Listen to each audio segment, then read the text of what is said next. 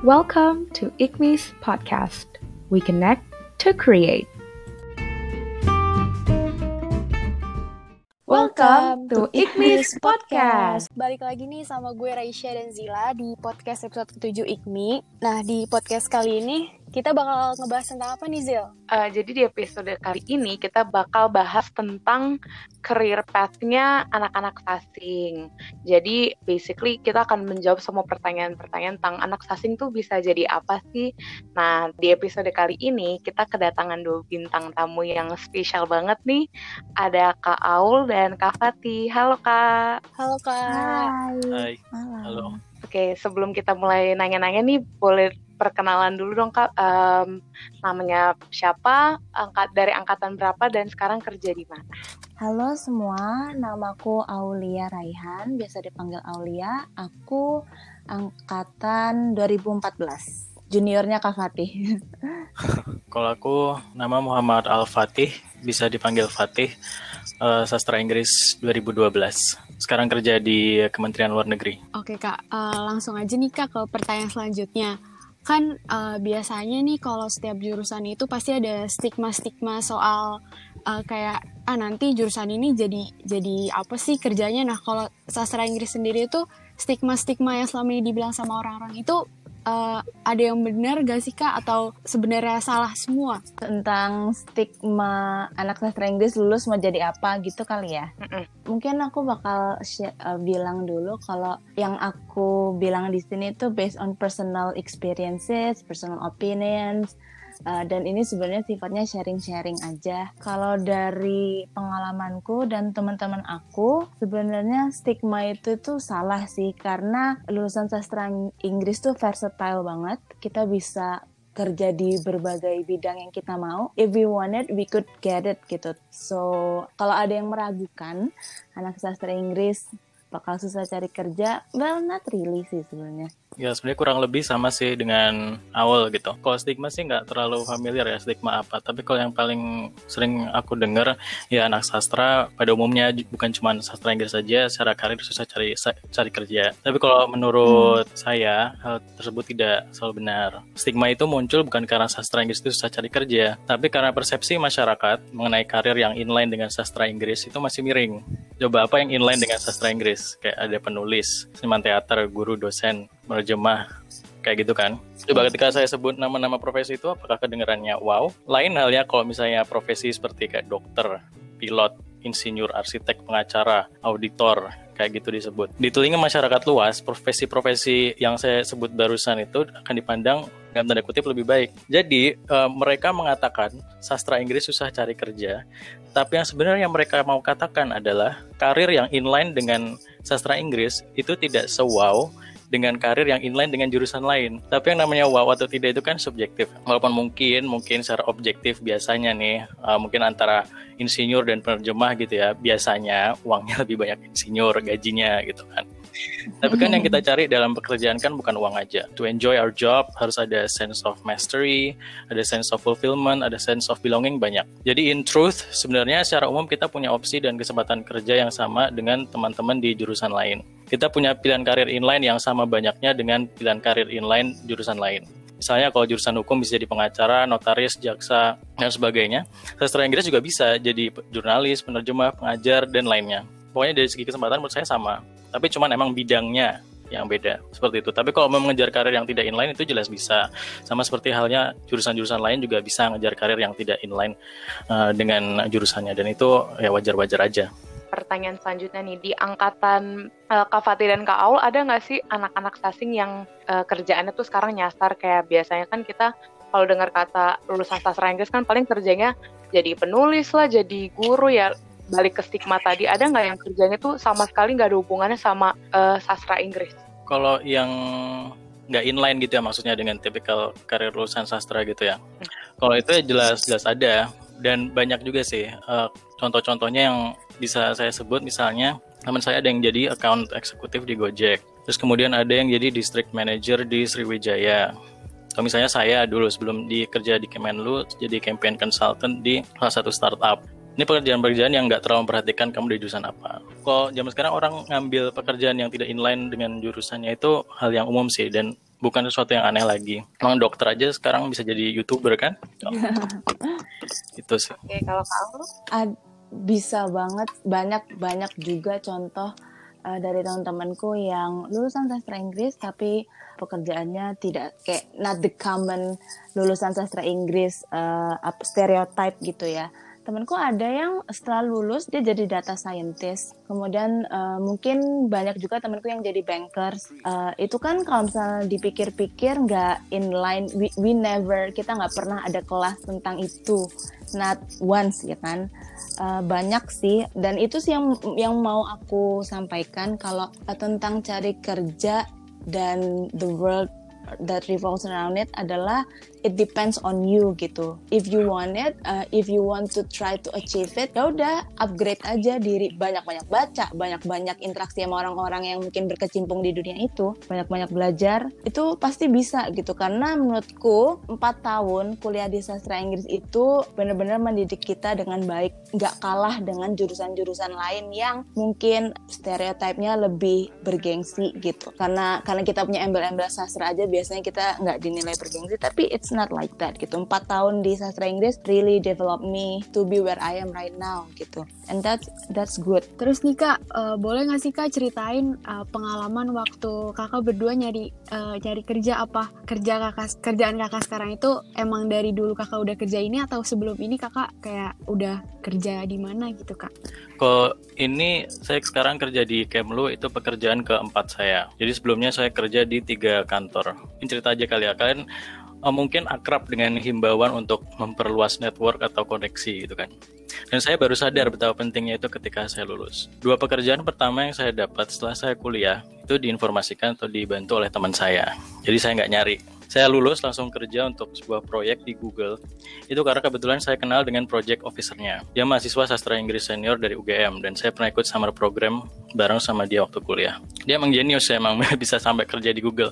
Waktu itu proyeknya dia tuh di Jogja itu untuk neliti tentang bahasa daerah. Ketika dia pindah dari Jogja ke Jakarta, untuk uh, ngelanjutin proyeknya ini dia nggak tahu mau kontak siapa. Jadi saya yang bantu dia. Jadi uh, dan itu tawaran dia datang sebelum saya lulus. Jadi ketika saya wisuda besoknya alhamdulillah langsung kerja. Nah untuk info pekerjaan yang kedua ini dikasih tahu teman saya juga. Ketika saya udah mau uh, selesai masa proyeknya ini saya pikir mau kerja di startup. Waktu itu tertarik sama startup namanya kita bisa.com karena idealis banget kan. Dia dia kayak dia platform galang dana dan donasi online. Dan visinya tuh bagus banget menurutku. Dia tuh punya tagline menghubungkan kebaikan gitu dia lebih ke social enterprise. Saya penasaran pengen masuk situ. Nah suatu waktu saya sedang duduk-duduk aja tuh di musola FIB lagi main ke kampus. Di situ ternyata ada teman saya dari sastra Arab. Eh, udah lulus juga sedang main juga. Itu dia cerita ketemu kita dan cerita kalau dia ternyata kerja di kitabisa.com nah, saya langsung tertarik bilang uh, tertarik pengen masuk situ tapi nggak tahu caranya gimana gitu. Ya udah setelah di situ kita ngobrol aku follow up kemudian aku apply interview sampai akhirnya lolos kayak gitu sih. Kalau untuk yang itu untuk yang uh, dari koneksi. Kalau untuk yang nyari beneran itu ketika saya jadi penerjemah sih. Nah, itu beneran kayak masuk ke situs pencarian pekerjaan, sign up di situ, terus kayak apply ke perusahaannya. Nah, untuk yang CPNS mungkin nanti bisa diceritain sama Aul kali ya. Jadi waktu kuliah, jadi semester akhir satu tahun terakhir pas zaman zamannya KDTI, PI, kalian udah ngalamin belum ya? uh, pas zaman zaman itu aku aku sambil kerja. Jadi setahun terakhir itu aku sambil kerja ngajar di tempat les bahasa Inggris karena aku suka untuk ngajar gitu. Setahun, terus aku lulus di September 2018.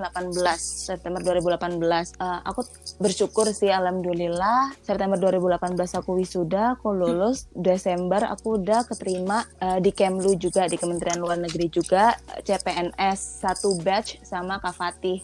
Sebenarnya lucu sih. Jadi waktu itu aku sama Kak Fatih itu emang junior sama senior tapi kayak we didn't really talk sebelumnya. Aku ketemu dia kayak oh saingan gue nih senior gue. Gitu. tapi emang karena aku sama Kak Fatih nggak pernah ngobrol juga sih jadi kayak awkward gitu. Tapi ternyata kita satu batch sama-sama di CPNS yeah. Kementerian Luar Negeri. Sama-sama sekolah dinas luar negeri bareng sekdilu atau junior diplomatic training bareng gitu pertanyaan selanjutnya biasanya tuh field karir apa aja sih kan yang biasanya diisi sama anak-anak sasing? Kalau menurut saya sih nggak ada bidang karir tertentu yang banyak diisi oleh anak-anak sasing ya. You can be whatever you want. as long as your employer doesn't mind or even prefer that you are a literature student. Saya bilang begini karena hmm. saya lihat teman-teman saya sendiri nggak ada eh, yang bisa dibilang bahwa mereka terpusat di suatu bidang tertentu gitu. Ada yang um, jalani karir di bidang bahasa, seni, jurnalistik, akademik, pendidikan juga tapi nggak sedikit juga yang uh, menjalani karir di bidang manajemen, PR, kewirausahaan atau pemerintahan. Jadi kalau menurut saya nggak ada bidang tertentu. Sama sih, nggak ada yang spesifik bidang tertentu. Kalau dari teman-teman aku, biasanya teman-teman aku itu kerja di startup, tapi di bagian kayak skill creative writingnya yang yang mereka uh, pakai kayak uh, copywriter atau kerja di agensi atau uh, di kayak content creator tapi di sebuah startup bela uh, ruang belajar gitu. Jadi kalau dari teman-teman aku sih itu tapi nggak nggak menutup kemungkinan di tempat-tempat lain kayak ternyata di angkatan aku batch aku di Kementerian Luar Negeri ada tiga anak sastra Inggris yang masuk bareng dan jadi diplomat bareng gitu ada juga teman aku yang uh, satu angkatan ada beberapa yang masuk bank ada yang masuk TV jadi macem-macem banget kalau kalian cari peluang pasti ada dan itu pasti bisa kalian dapetin itu sih Terus nih kak, ini aku pertanyaannya ini juga penasaran banget. Ada nggak sih uh, skill-skill khusus yang uh, harus dipelajarin sama anak sastra Inggris supaya uh, bisa cepet dapat pekerjaan gitu kak? Atau biasanya skill-skill yang dicari banget gitu? Mungkin yang paling iya. expected hmm. itu ya pasti jelas skill bahasa. You're expected to be hmm. good at English in all aspects. Reading, writing, speaking, listening, dan grammar. You may not have to be perfect, but do realize that they will expect you to do a good job with your English karena kamu dari sastra Inggris. Inggris. Hal lain yang dicari recruiter atau employer itu biasanya adalah critical thinking. So the ability yep. to think clearly and rationally and to understand the logical connection between ideas. Being able to analyze and evaluate information. Itu skill kedua yang uh, aku paling dicari oleh recruiter. Ini kalian sastra Inggris akan belajar ini nih, baik di kelas yang bentuknya analisis sastra atau kelas penelitian hmm. atau kelas-kelas lainnya yang uh, perlu critical thinking. Skill lain yang yang dipelajari di Sasing yang jelas akan berguna adalah public speaking. Saya rasa ini penting banget ya, whether kalian nanti kerja di bidang yang involve public speaking or not.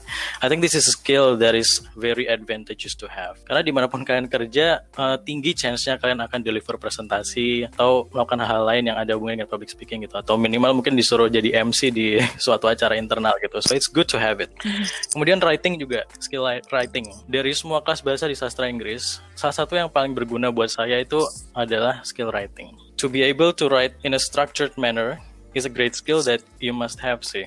Karena banyak banget orang-orang yang actually punya ide yang bagus tapi nggak bisa dituangkan dalam bentuk yang terorganisir gitu. Having an idea is one thing, but being able to put that idea down, to write that idea down in an organized manner itu two different things di mana pun kalian berada itu I think you will have to do some degree of writing sesimpel nulis kayak cover letter misalnya atau apply beasiswa pun sekarang harus nulis essay kan? Itu sih menurut saya uh, beberapa skill yang uh, dicari oleh employer gitu. Itu pastinya ada skill-skill lain tapi kalau dari sastra Inggris itu uh, beberapa skill yang uh, came to my mind. Aku setuju banget sama yang disampaikan sama Kak Fatih. Uh, kalau dari dari pengalaman aku uh, ketika aku ngelamar kerja atau ketika aku kerja sekarang di Kementerian Luar Negeri people expect me untuk master menguasai penerjemahan, be it uh, in text atau verbal gitu. Jadi mereka mungkin mereka nggak nggak begitu tahu ya kita belajar penerjemahan ternyata di sastra Inggris cuman satu kali DDPU doang, which is for me it's such it's too bad gitu lulusan sastra Inggris not having this skill hanya hanya belajar di DDPU dasar-dasar penerjemahan umum gitu. Jadi mungkin kalian bisa exercise dengan kalau aku dulu ngambil-ngambil job. Jadi anak-anak tuh misalnya matkul-matkul MMI atau apa sih yang matkul-matkul wajib tuh kan ada mangkala-mangkalanya.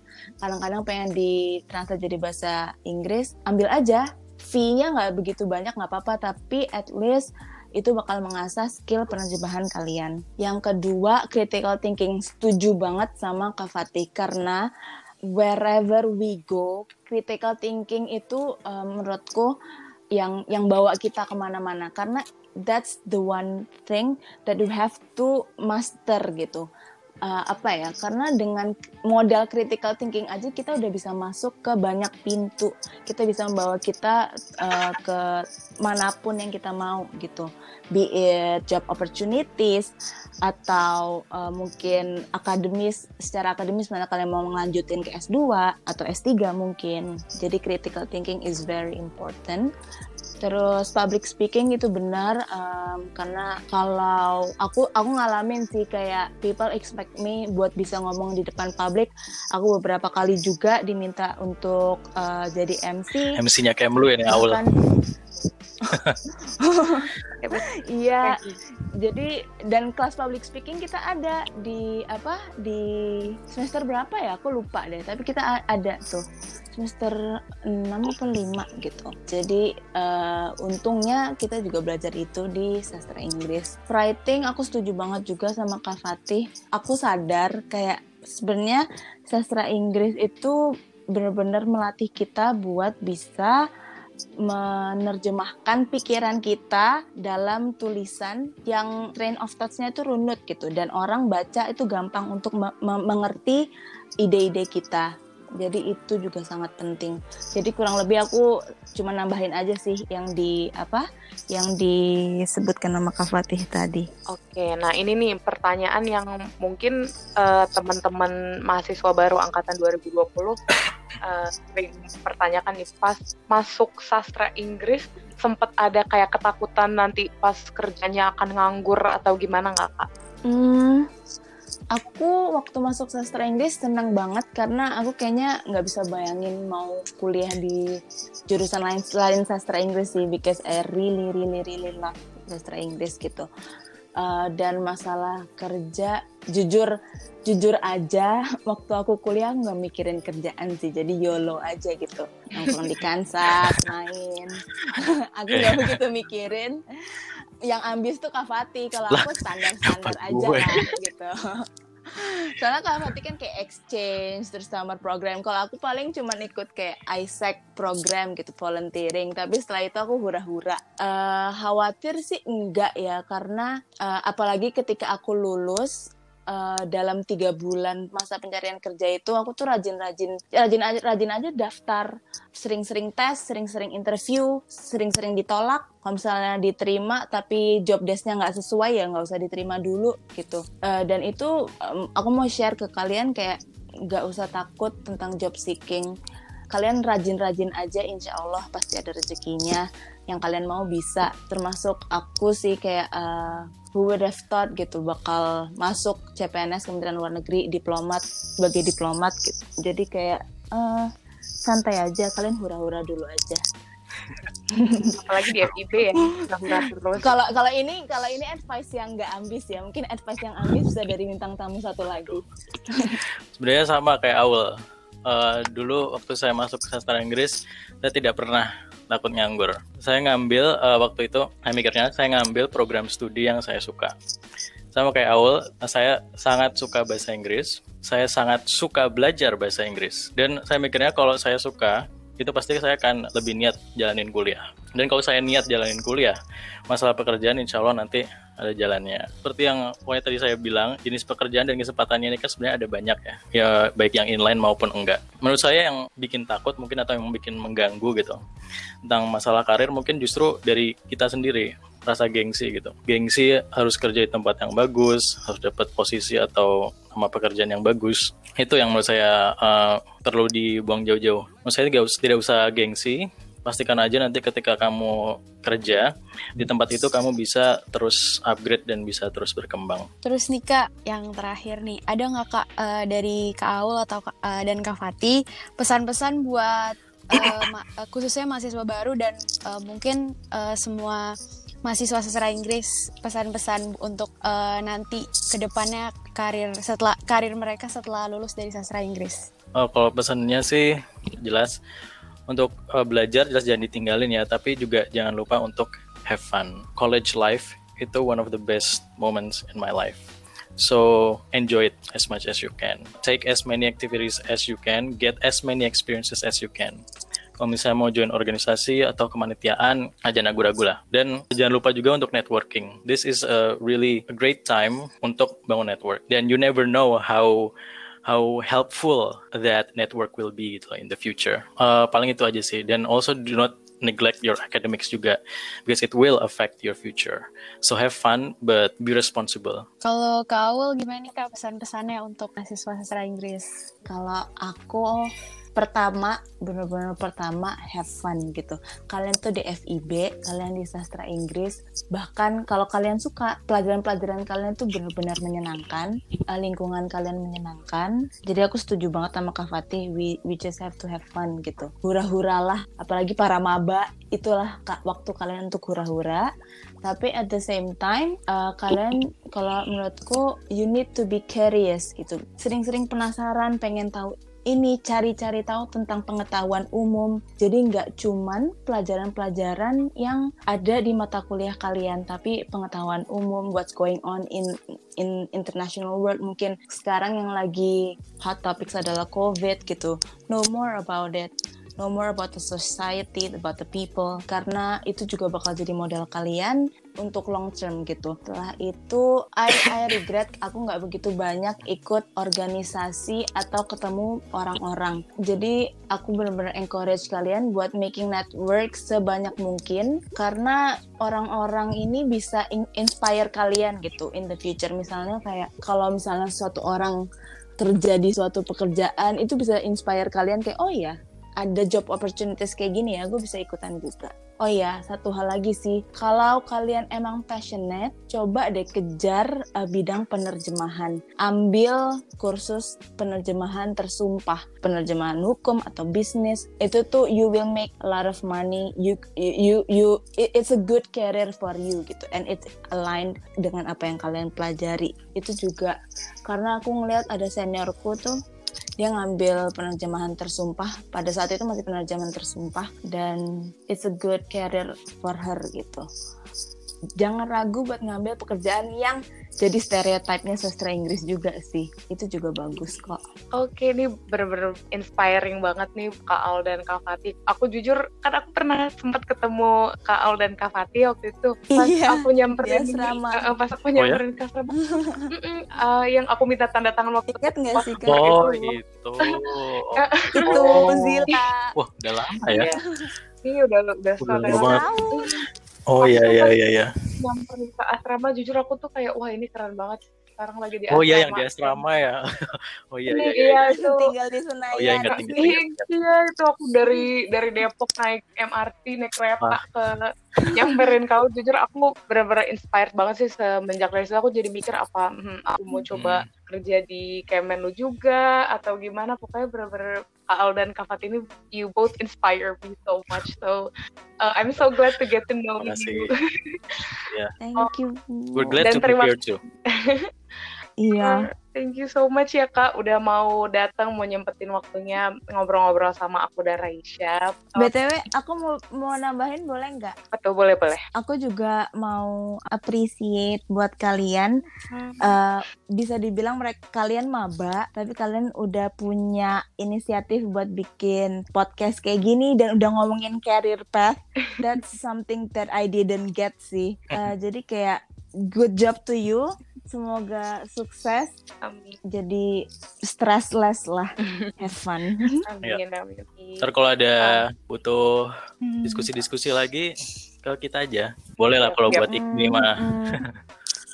siap, siap, siap. Jadi intinya untuk teman-teman maba semuanya jangan takut atau jangan don't worry too much about the future. Karena kayak masa kuliah uh, have fun aja dulu uh, banyak-banyakin kepanitiaan atau organisasi. Just do whatever you want to do. Dan ketika nanti uh, saatnya kalian cari kerja it might be nerve wracking sometimes to think about it. Tapi selama teman-teman punya skill yang baik yang bagus dan koneksi yang luas dan terutama niat yang gigih dan uh, tekad yang kuat pasti semuanya akan dilancar-lancarkan. Amin Amin. Amin. Amin. Oke, okay, sampai di sini dulu podcast uh, episode ketujuh IKMI. Semoga tadi uh, gue Zila, Kaul, dan Kak Fatih ceritain infoin bisa berguna buat uh, kalian semua, bisa menjadi inspirasi, bisa menjadi motivasi uh, ke depannya. Uh, terima kasih ya Kak Aul dan Kak Fatih udah nyempetin waktunya buat kasih, uh, sudah mengundang kita sama Ikni. Oke, sekian dulu podcast dari kita. Gue Raisya dan gue Zila. Sampai ketemu di podcast selanjutnya. Yeay, dadah. dadah.